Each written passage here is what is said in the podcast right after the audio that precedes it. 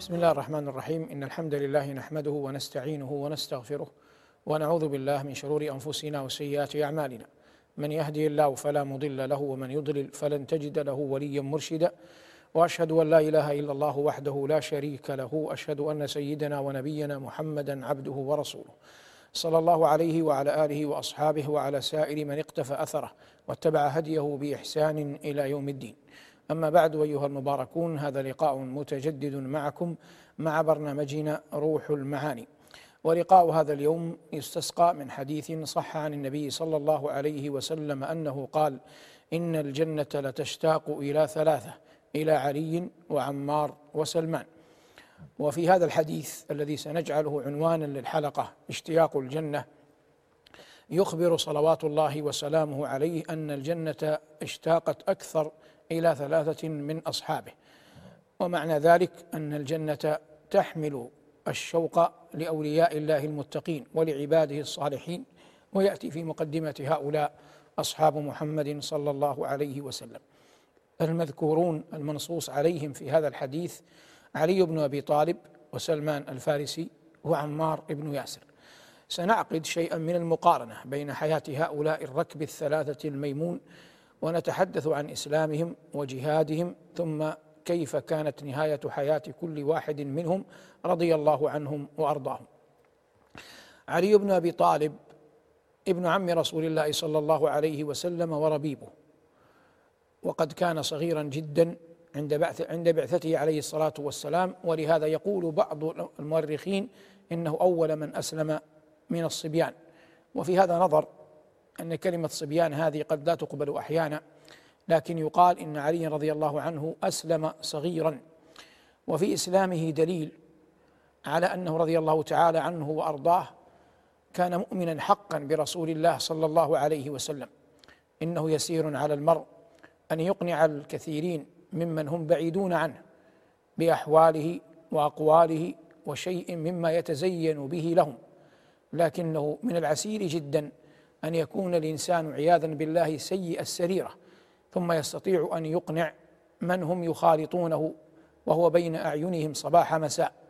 ومع ذلك لما كان صلى الله عليه وسلم طاهر الأثواب نقي السريرة قائما بالعرف يحمل الكل ويعين على نوائب الدهر عرف ذلك منه زوجته خديجة وابن عمه علي ومولاه زيد. فلما جاء الإسلام كان هؤلاء الركب أول من آمن به صلوات الله وسلامه عليه. اذا علي رضي الله عنه أخذ الإسلام من في رسول الله صلى الله عليه وسلم لأنه كان يعيش معه في بيته. أما عمار بن ياسر فإن الله جل وعلا أكرم أباه ياسرا وأمه سمية بالإسلام فكان مسلما تبعا لوالديه. وقد كانوا في حوزة أبي جهل أي كانوا أرقاء له.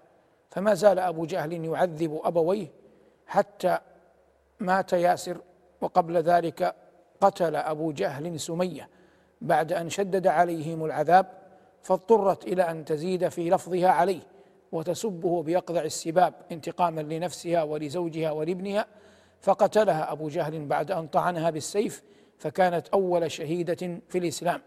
ومما يعجب له المرء أن أول من دخل قلبه الإسلام من هذه الأمة امرأة هي خديجة بنت خويلد وأول شهيدة في الإسلام هي امرأة هي سمية زوج ياسر وأم عمار. فعمار كان من المعذبين المضطهدين في قريش حتى إن الله جل وعلا أنزل في حقه قوله تبارك وتعالى إلا من أكره وقلبه مطمئن بالإيمان. فقد طلب منه القرشيون أن يسب النبي صلى الله عليه وسلم وهو في غمرة العذاب وشدة الأذى وبعد وبعد النكال نال من رسول الله صلى الله عليه وسلم كرها. لكن الله جل وعلا برأه لسلامة نيته وحسن مقصده. فقال ربنا إلا من أكره وقلبه مطمئن بالإيمان. والله يقول ولكن من شرح بالكفر صدرا ولم يكن عمار رضي الله تعالى عنه ممن شرح بالكفر صدرا طرفة عين ولا أقل من ذلك. هذا كله في قضية إسلامهم. أما سلمان وهو ثالث هؤلاء الركب فيختلف إسلامه عن إسلام عمار وعن إسلام علي لأنه لم يكن أصلا في مكة إنما كان في المدينة وهو من المعمرين. وقد كان يتنقل في في حياته من راهب إلى غيره حتى أن آخر من علمه دله على أن نبي آخر الزمان له ثلاث علامات. أنه يقبل الهدية ولا يأكل الصدقة وأن بين كتفيه خاتم النبوة. فحفظ سلمان رضي الله عنه وأرضاه تلك الوصية ممن علمه.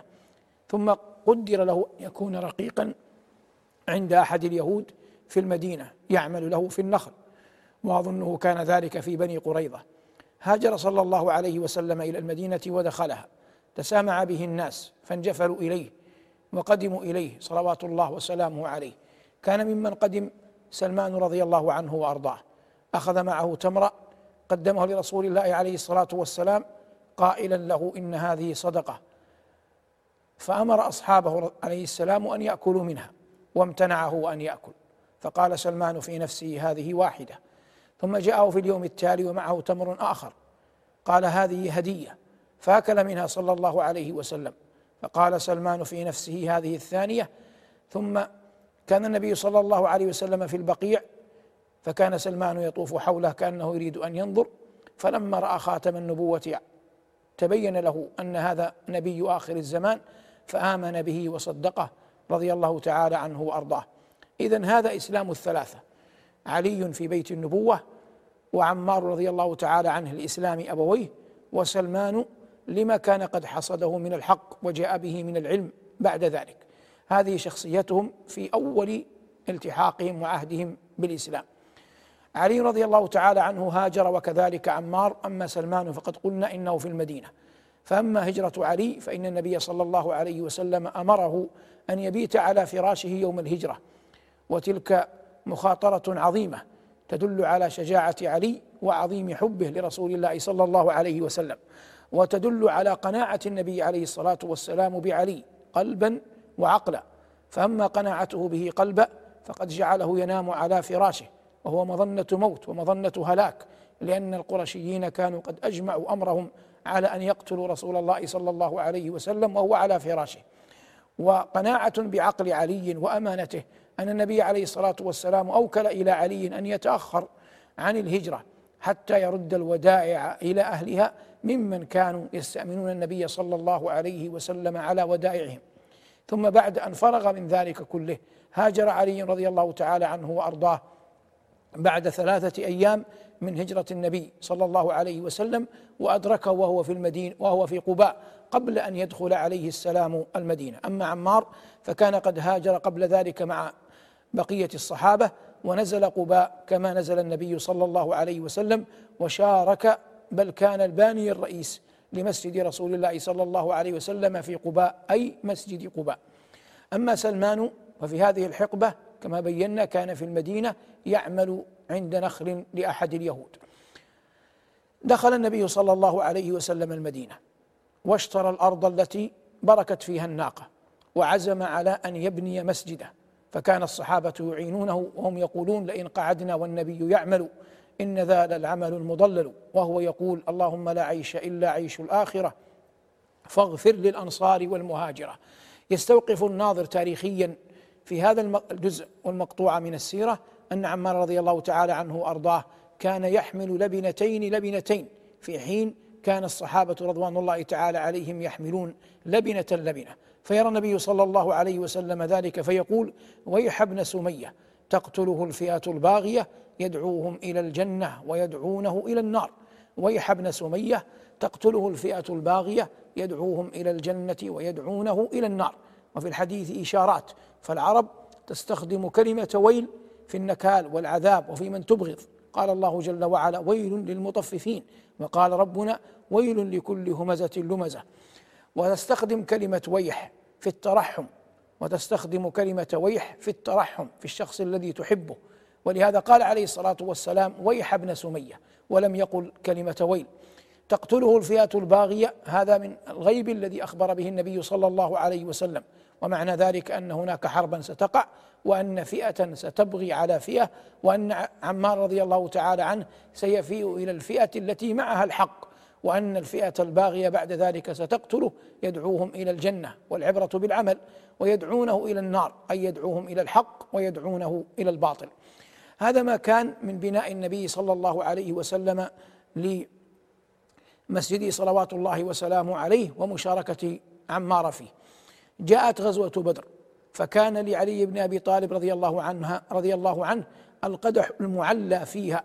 فالنبي عليه الصلاة والسلام لما خرج فرسان من قريش شيبة بن ربيعة وعتبة بن ربيعة والوليد بن عتبة يسألون المبارزة أخرج لهم النبي صلى الله عليه وسلم ثلة من الأنصار لكن أولئك طلبوا أن يكون الأكفاء لهم قوم قوما من قريش. فأخرج النبي صلى الله عليه وسلم عليا وحمزة وأبا عبيدة بن الحارث فكان علي أول المبارزين وقتل خصمه ولهذا كان يقول إذا تلا قول الله جل وعلا هذان خصمان اختصموا في ربهم يقول رضي الله تعالى عنه وأرضاه عن نفسه أنا أول من يجثو للخصومة يوم القيامة.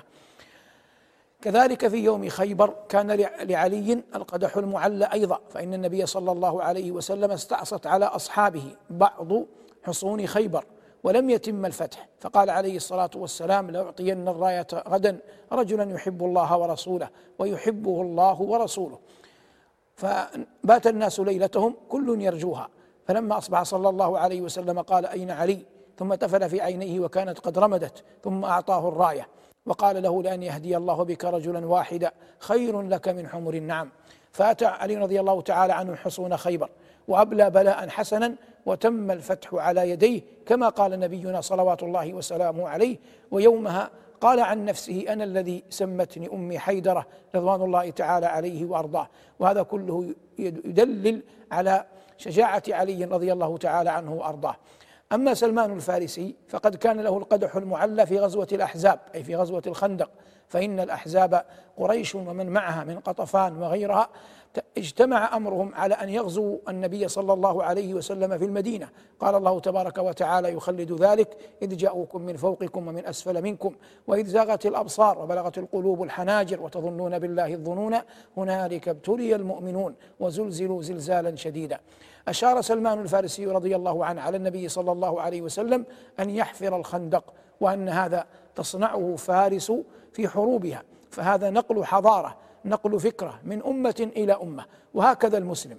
الحكمة ضالة المؤمن أن وجدها أخذها.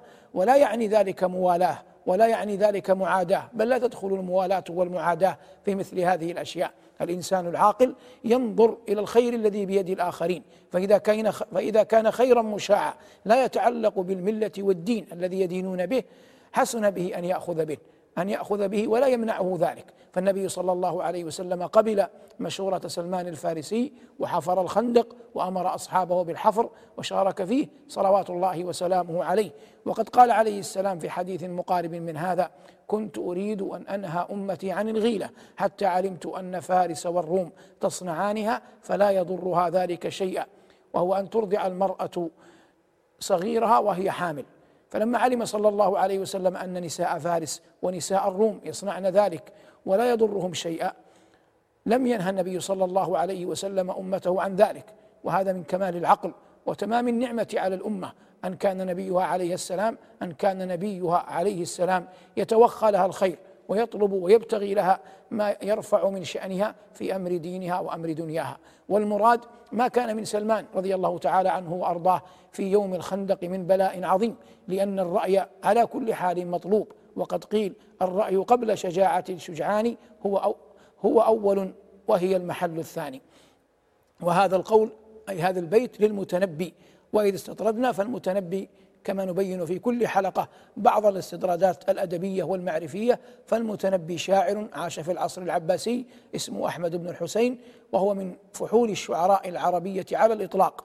وقد كان قد برز كثيرا في شعر الحكمة وله أبيات شعر ما زال الناس يرددونها إلى اليوم.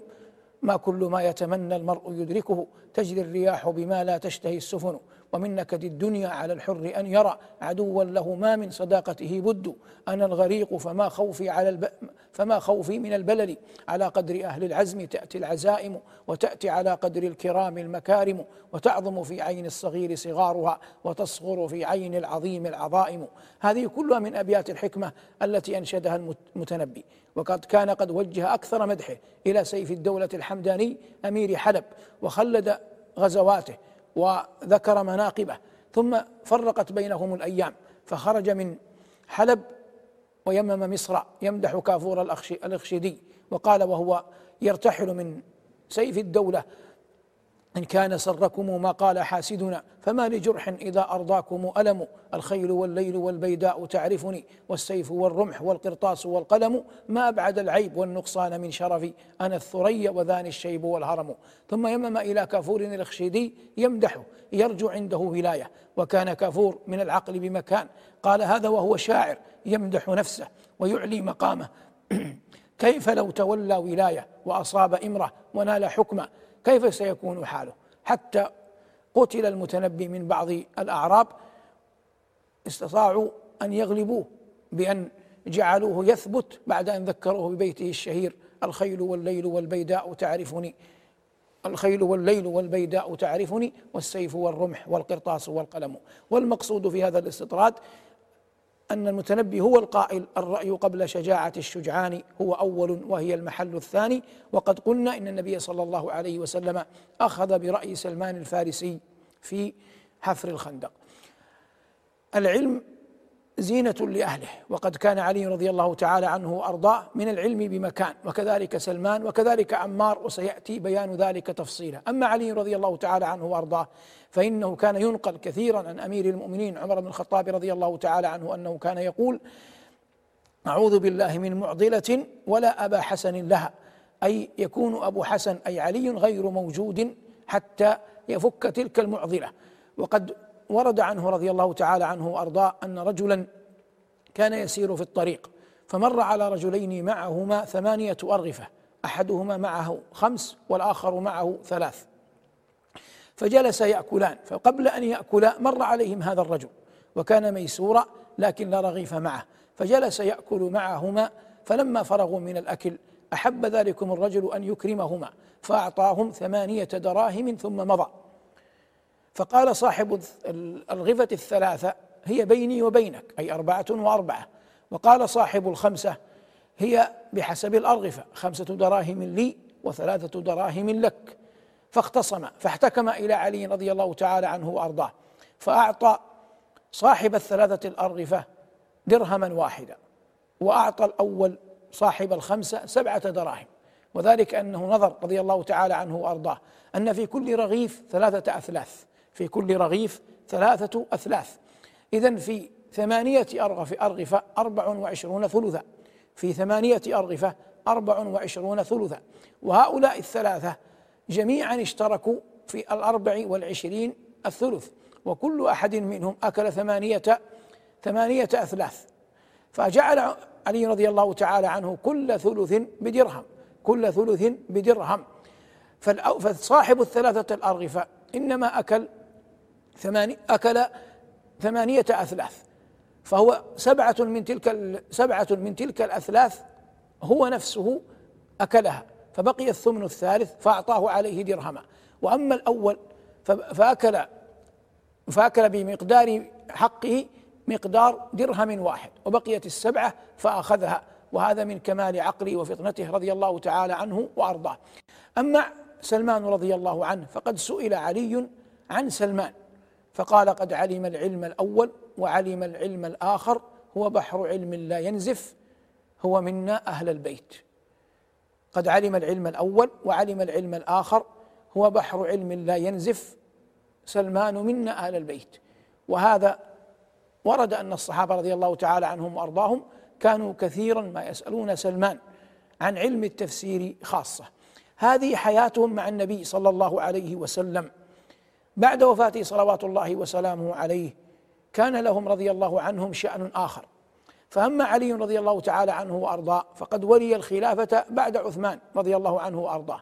وكان في المدينة مدة حكم أبي بكر وعمر وعثمان. فلما قتل عثمان شهيدا وبويع علي رضي الله عنه بالإمرة والخلافة ترك المدينة إلى الكوفة. ثم امتنع أهل الشام عن مبايعته. فانضم عمار رضي الله تعالى عنه وأرضاه إلى إلى علي. فأما موت هؤلاء الثلاثة فكالتالي. فأما علي قتله عبد الرحمن بن ملجم المرادي.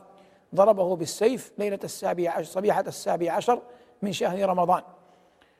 بعد أن اتفق هو واثنين واثنان معه على أن يقتلوا عليا وعمار أو أن يقتلوا عليا ومعاوية وعمر بن العاص. فأما الذي نصب نفسه لأن يقتل معاوية أصابه في عرق دون أن يقتله. وأما الذي نصب نفسه ليقتل عمرو فقتل رجلا آخرا بدلا منه يقال له خارجة. كان قد خرج للصلاة بدلا من عمرو لأن عمرو اشتكى بطنه. فلما علم بذلك قال البيت المشهور أردت عمرا وأراد الله خارجه. وأما علي رضي الله تعالى عنه وأرضاه فقد قتله عبد الرحمن بن ملجم ضربه بالسيف ثم قتله. ومن العجيب أن عبد الرحمن بن ملجم كانت تظهر عليه أمارات الطاعة. فكان بعض شيعة علي يخوفه بأن أمير المؤمنين لم يمت فلم يبالي بذلك. وقال على من تبكي أم كلثوم؟ أعلي؟ يقصد أن الضربة كانت قاتلة. ثم إنه قيل له إن الحسن والحسين سيعذبانك سيقطعان رجليك فلم يبالي سيقطعان يديك فلم يبالي سيفعلان بك كذا وكذا ويسملان عينيك فلم يبالي حتى قال له إنهما سيقطعان لسانك فارتعد. فقيل له لما ارتعدت من هذا؟ قال أخاف أن تمر علي ساعة لا أذكر الله جل وعلا فيها. فسبحان من هداهم إلى مثل هذا الأمر. والله تبارك وتعالى يقول أفمن زين له سوء عمله فرآه حسنا. ويقول جل ذكره قل هل ننبئكم بالأخسرين أعمالا الذين ضل سعيهم في الحياة الدنيا وهم يحسبون أنهم يحسنون صنعا. والنبي عليه الصلاة والسلام يقول أشقى الأولين وحيمر ثمود عاقر الناقة. ثم قال لعلي ومن يفصل هذه عن هذه؟ وأشار صلى الله عليه وسلم إلى رقبة علي. والمقصود هذا ما كان من وفاة أمير المؤمنين علي بن أبي طالب رضي الله تعالى عنه وأرضاه على مشارف سنة أربعين من الهجرة بعد ولاية دامت خمسة سنين رضوان الله تعالى عليه. أما عمار فقد كان كما بينا كان مع علي في شيعته يحارب أهل الشام. ولما خرجت أم المؤمنين عائشة رضي الله تعالى عنها وأرضاها لتصلح بين الناس ثم تبع ذلك أن كانت معركة الجمل كان عمار يقول والله إني لأعلم أنها زوجة نبيكم في الدنيا والآخرة ولكن الله أخرجها ليعلم أتتبعوه أم تتبعوها ولكن الله أخرجها ليعلم أتتبعوه أم تتبعوها أي ليبتليكم ويختبركم وأن الحق لا يعرف بالرجال وإنما يعرف الرجال بالحق. كان عليه الصلاة والسلام يقول أيام حياته اهتدوا بهدي عمار وقد لحق عمار بعلي مما يدل على أن الحق مع علي. وإذا استصحبنا قوله صلى الله عليه وسلم تقتله الفئة ويح ابن سمية تقتله الفئة الباغية. وقد كان عمار رضي الله تعالى عنه وأرضاه في معركة صفين الذي استشهد فيها في حرب علي مع أهل الشام. كان سنه قد جاوز الرابع والتسعين أي أنه عمر رضوان الله تعالى عليه وأرضاه. فكان الناس يقولون له وبيده حربة وهو يرجف والحربة في يده فيقول ليس على هذا سأموت. عهد إلي النبي صلى الله عليه وسلم أن آخر عهدي بالدنيا شربة من لبن ثم إنه عطش في ساحة المعركة فقدم له سقاء من لبن فشربه ثم قتل رضوان الله تعالى عليه ومات شهيدا مع علي بن أبي طالب في معركته ضد أهل الشام. هذا ما كان من هدي عمار وكانت وفاته على هذه الحال رضوان الله تعالى عليه وعلى أبويه. أما سلمان الفارسي رضي الله عنه وأرضاه فقد اختلف في مدة حياته مع الاتفاق على أنه كان من المعمرين جدا حتى قيل إنه جاوز في سنه مئة وخمسين سنة حتى قيل إنه جاوز في سنه مئة وخمسين سنة. وكان شديد التواضع رضي الله عنه وأرضاه. حتى لما تولى الإمرة لبعض الوقت في المدائن وغيرها كان قريبا من الناس غير بعيد عنهم. ولا ريب أن الحكمة والعلم يهذب صاحبه. وأهل فارس على العموم أهل علم. قال الله تعالى وآخرين منهم لما يلحقوا بهم وهو العزيز الحكيم. ورد أن النبي صلى الله عليه وسلم قال في هذا لو كان هناك علم معلقا بين السماء والأرض لناله رجل من أهل فارس. لو كان هناك علم معلقا بين السماء والأرض لناله رجل من أهل فارس. ونحن نعلم أن بعد دخول فارس في الإسلام كم كان من علماء المسلمين في شتى الفنون في الأدب واللغة والفقه والقرآن والحديث كلهم من أصول فارسية. ومن أشهرهم على ما يقال أبو حنيفة النعمان رحمة الله تعالى عليه أول الأئمة الأربعة من المذاهب المتبوعة ظهورا وسيبويه في النحو وغيرهما ممن لا يمكن حصره في مقام في مقام كهذا. إذا استصحبنا أول الحديث فإن النبي صلى الله عليه وسلم يقول إن الجنة لتشتاق إلى ثلاثة فعد هؤلاء الميامين عمارا وعليا وسلمان رضوان الله تعالى عليهم. ما الذي جعل الجنة تشتاق إلى هؤلاء؟ قطعا الإيمان والعمل الصالح. ليس بين الله وبين أحد من خلقه نسب. وهذه الجنة إذا سأل العبد ربه الجنة ثلاث مرات قالت اللهم أدخله الجنة. كما أن النار إذا استجار العبد من ربه من النار استجار العبد بربه من النار ثلاث مرات قالت النار اللهم أجره مني. فالجنة والنار مخلوقان لله تبارك وتعالى. وعد الله كلا منهما أن يملأها. وستملأ الجنة بالأخيار كما ستملأ النار بالكفار. وعلي وعمار وسلمان من خيار الأخيار رضوان الله تعالى عليهم من أصحاب رسول الله صلى الله عليه وسلم. هذا في سيرتهم الدعوية الدينية الإسلامية. أما في سيرتهم الحياتية فإن علي رضي الله تعالى عنه تزوج فاطمة بنت رسول الله صلى الله عليه وسلم بعد منقلب النبي عليه السلام من بدر وأنجب منها الحسن وأنجب منها الحسين ومحسن. فأما محسن فقد مات صغيرا وبقي الحسن والحسين. وتزوج امرأة بعد وفاة فاطمة من بني حنيفة وأنجب منها محمد ابن الحنفية. وقد ظهرت فرقة من الطوائف الباطنية كانوا تسمى الكيسانية كانوا يرون أن محمد بن الحنفية هو المهدي المنتظر المزعوم يقول قائلهم وهو كثير عزة يقول قائلهم وهو كثير عزة يذكر الأصباط ألا إن الأئمة من قريش حماة الدين أربعة سواء علي والثلاثة من بنيه هم الأصباط ليس بهم خفاء فصبط صبط إيمان وبر وصبط غيبته كربلاء وصبط لا يذوق الموت حتى يقود الخيل يقدمها اللواء تغيب لا يرى فيهم زمانا مرضوى عنده عسل وماء. ومعنى الأبيات أن الولاية الشرعية محصورة في علي وبنيه وأنه ترك ثلاثة أصباط الحسن وهو حسن وهو سبط إيمان وبر وقد مات والحسين وهو سبط إيمان وبر لكن غيبته كربلاء أي أن الحسن استشهد في كربلاء وسبط يقول عنه كثير لا يذوق الموت حتى يقود الخيل يقدمها اللواء. وسبط لا يذوق الموت حتى يقود الخيل يقدمها اللواء. يقصد محمد بن الحنفية. ويقال له محمد بن الحنفية لأن أمه من بني من بني حنيفة. ليس من فاطمة رضوان الله تعالى عليها. ويزعم كثير أن هذا أن هذا محمد بن الحنفية ابن علي رضي الله عنه هو الآن مقيم في جبال رضوى. ورضوى جبال شاهقة إلى جهة الغرب من المدينة بالقرب من ينبع. فهو يقول إنه في رضوى عنده عسل وماء أي يطعم ويسقى حتى يأتي اليوم الذي يخرج فيه. وقد قلت إن رضوى جبال غرب المدينة بقرب ينبع يضرب بها المثل في الشموخ والعزة. قال حسان رضي الله تعالى عنه وأرضاه لنا حاضر زاه وباد كأنه شماريخ رضوى عزة وتكرما. ولدنا بني العنقاء وابني محرق فأكرم بنا خالا وأكرم بنا ابنما فأكرم بنا خالا وأكرم بنا ابنما لنا الجفنات الغر يلمعن بالضحى وأسيافنا يقطرن من نجدة دما. والمراد من هذا كله ما قاله كثير واعتقاده أن محمد بن الحنفية هو السبط والمهدي المنتظر ولا ريب أن هذا باطل كله ولا يمكن أن يصح البتة. فالمهدي المنتظر من ذرية النبي صلى الله عليه وسلم من ذرية الحسن خصوصا يكون في آخر الزمان وقد تحدثنا في لقاء خاص عن أشراط الساعة عند قول الله جل وعلا فقد جاء أشراطها عن ظهور المهدي. أما كثير عزة فهذا صنعته في الاعتقاد. أما في الشعر فقد تعلق بامرأة يقال لها عزة وقال فيها أجمل شعره. ومما قاله فيها ومما قاله فيها أباحت حما لم يرعه الناس قبلها وحلت تلاعا لم تكن قبل حلتي. وإني وتهيامي بعزة وإني وتهيامي بعزة كأننا سحابة وإني وتهيامي بعزة بعدما تخليت عما بيننا وتخلتي لك المرتجي ظل الغمامة كلما تبوأ منها للمقير محلتي أيا كان المقصود أيها المبارك نحن نستطرد في عالم الأدب والشعر حتى يكون المرء على بينة من أمره وهو يفقه كلام العرب ويقرأ أشعارهم ويتنبه لما جرى في أيامهم.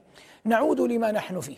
فنقول إن الجنة اشتاقت لعمار وعلي وسلمان رضوان الله تعالى عليهم أجمعين والجنة دار أعدها الله جل وعلا للمتقين الأبرار لها ثمانية أبواب ما بين مصراعي كل باب مسيرة أربعين عاما وليأتين عليها يوم وهي كظيظ من الزحام.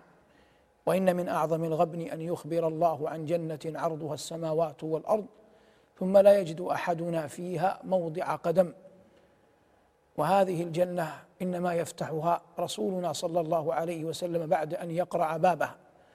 فيها ما لا عين رأت ولا أذن سمعت ولا خطر على قلب بشر. المنازل فيها بالعدل ودخولها بالفضل. قال الله جل وعلا وتلكم الجنة التي أورثتموها بما كنتم تعملون قبل أن يدخلها يدخلها أهلها يحبسون على قنطرة بين الجنة والنار فينزع ما كان فيهم من غل. قال الله تبارك اسمه وجل ثناؤه ونزعنا ما في صدورهم من غل تجري من تحتهم الأنهار فينزع ما في صدورهم من الغل حتى يكونوا أهلا لأن يدخلوها لأن الجنة طيبة لا يدخلها إلا طيب وينبغي أن يعلم أن الجنة درجة عالية والصعود إلى أعلى يحتاج إلى مشقة يحتاج إلى مجاهدة يحتاج إلى مكابدة والله يقول والذين جاهدوا فينا لنهدينهم سبلنا. والذين جاهدوا فينا لنهدينهم سبلنا. والنبي صلى الله عليه وسلم أخبر أنه لقي خليل الله جل وعلا إبراهيم ليلة الإسراء والمعراج. فقال الخليل لنبينا عليه السلام يا محمد أقرئ أمتك مني السلام وأخبرهم أن الجنة قيعان وأنها طيبة التربة وأن غراسها سبحان الله والحمد لله ولا إله إلا الله والله أكبر ولا حول ولا قوة إلا بالله وأن غراسها سبحان الله والحمد لله ولا إله إلا الله والله أكبر ولا حول ولا قوة إلا بالله ولما قال الصحابة يا رسول الله حدثنا عن الجنة قال لبنة من ذهب ولبنة من فضة ملاطها المسك الاذفر وحصباؤها اللؤلؤ والياقوت هي منازل المتقين ودار أولياء الله الصالحين يدخلها الأنبياء والمرسلون ومن تبعهم بهدى وإحسان إلى يوم الدين. في هذا الحديث المنقول المنصوص عن رسول الله صلى الله عليه وسلم إخبار منه صلوات الله وسلامه عليه أن الجنة اشتاقت إلى هؤلاء الركب وفيها وفيه فضيلة ظاهرة لعلي ولسلمان ولعمار رضوان الله تعالى عليهم أجمعين. علي كان يكنى بأبي الحسن وعمار رضي الله تعالى عنه كان يكنى بأبي اليقظان. وسلمان رضي الله عنه وارضاه لا أعلم له كنية لكن عمارا كان يكنى بأبي اليقظان وأما علي رضي الله عنه فيكنى بأبي الحسن لأن الحسن بن علي أكبر لأن الحسن بن علي أكبر ولده رضوان الله تعالى عليه وأرضاه. علي من العشر المبشرين وعمار رضي الله تعالى عنه وسلمان في حديث النبي عليه الصلاة والسلام إن الجنة لتشتاق إلى ثلاثة دليل على أن سلمان وعمار ولو من وجه آخر أنهما من أهل الجنة. أما علي رضي الله تعالى عنه وأرضاه فمنصوص عليه في العشرة المبشرين أبو بكر في الجنة وعمر في الجنة وعثمان في الجنة وعلي في الجنة وهو رابع الخلفاء الراشدين. أما عمار وسلمان فلم يكن لهم حظ من الولاية العظمى التي انتهت إلى رابع الخلفاء وحاتم الحنفاء علي بن أبي طالب رضي الله تعالى عنه وأرضاه. وكان بين هؤلاء الثلاثة ألفة عظيمة بدليل قول سلمان رضي قول علي رضي الله تعالى عنه عن سلمان منا آل البيت.